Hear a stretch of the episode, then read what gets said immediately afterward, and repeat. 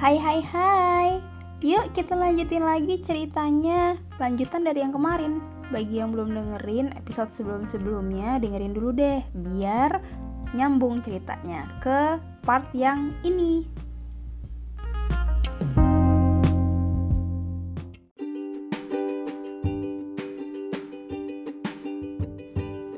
Kegiatan apa sih jadi yang aku ikutin sama temenku? Nah, kegiatan ini adalah kegiatan training of trainer untuk relawan komunitas di mana aku bernaung, khusus untuk kegiatan yang berkaitan dengan pendidikan. Tentu saja tidak menjadi masalah besar bagi aku untuk beradaptasi karena beberapa panitia adalah teman lama di kegiatan nasional sebelumnya.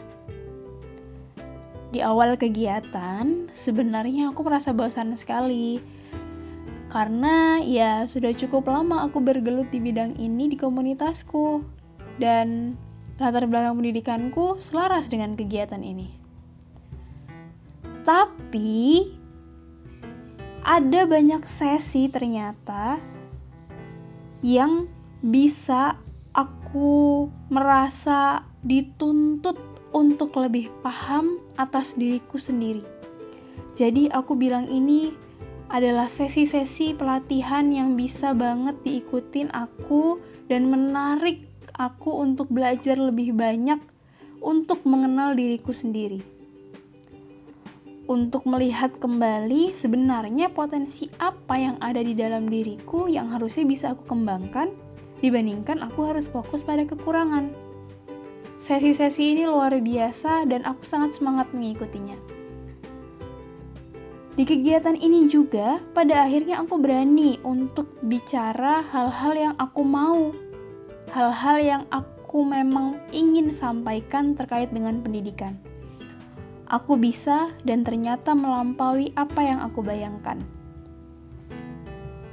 Salah satu sesi di pelatihan ini, di akhirnya kami diminta untuk menyusun satu kalimat yang terdiri hanya dari tujuh suku kata saja dengan tanpa ragu, tanpa berpikir sulit, aku menuliskan kalimat ini.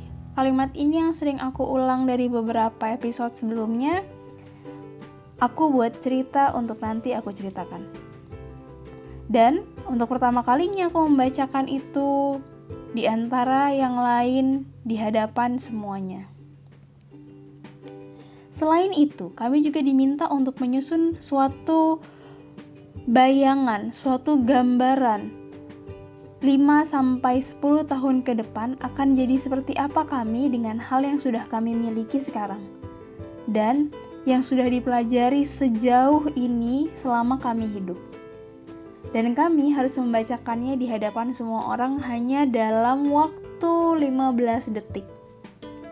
Saat itu aku berdiri di hadapan semua orang. Ini giliranku Aku berusaha untuk tenang dengan memejamkan mata, menarik nafas, menahannya kurang lebih 3 detik, kemudian menghela nafas sebentar. Perlahan aku mulai menyampaikan 5 sampai 10 tahun ke depan. Ini aku.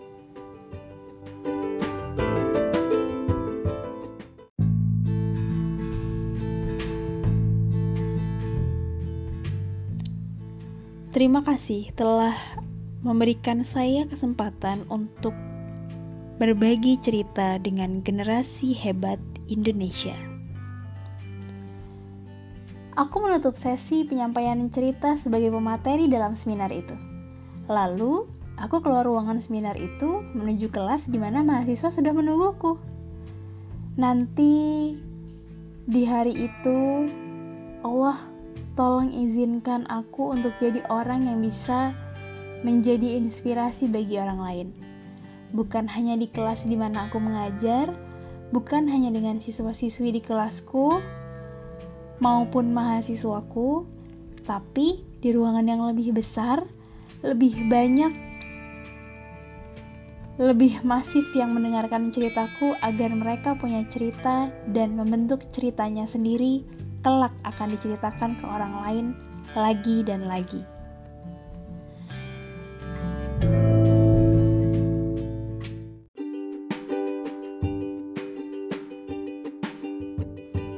Sesi pelatihan selesai, tapi sayangnya di hari terakhir aku dan temanku tidak mengikuti sesi penutupan karena aku mengejar waktu untuk kembali ke tempat kerja. Perjalanan ini, kegiatan ini, semua hal yang aku lalui jadi bagian dari lembaran cerita dalam hidupku. Dan tepat di usia seperempat abadku. Kado yang indah Allah kasih kesempatan aku untuk memiliki perjalanan dengan temanku. Belajar, mengurus banyak ketakutan di dalam diriku sendiri. Beberapa pekan setelahnya, sekolah mulai diliburkan. Sejak saat itu juga aku sangat bersyukur Allah memberikan aku nikmat jadwalku yang cukup padat di awal tahun 2020. Iya, jadwal yang padat, yang cukup padat, yang sampai sekarang aku menceritakan cerita ini, itu sangat dirindukan. Ini hari-hari kerja dari rumah, belajar dari rumah, hari kesekian dari awal pandemi di tahun 2020.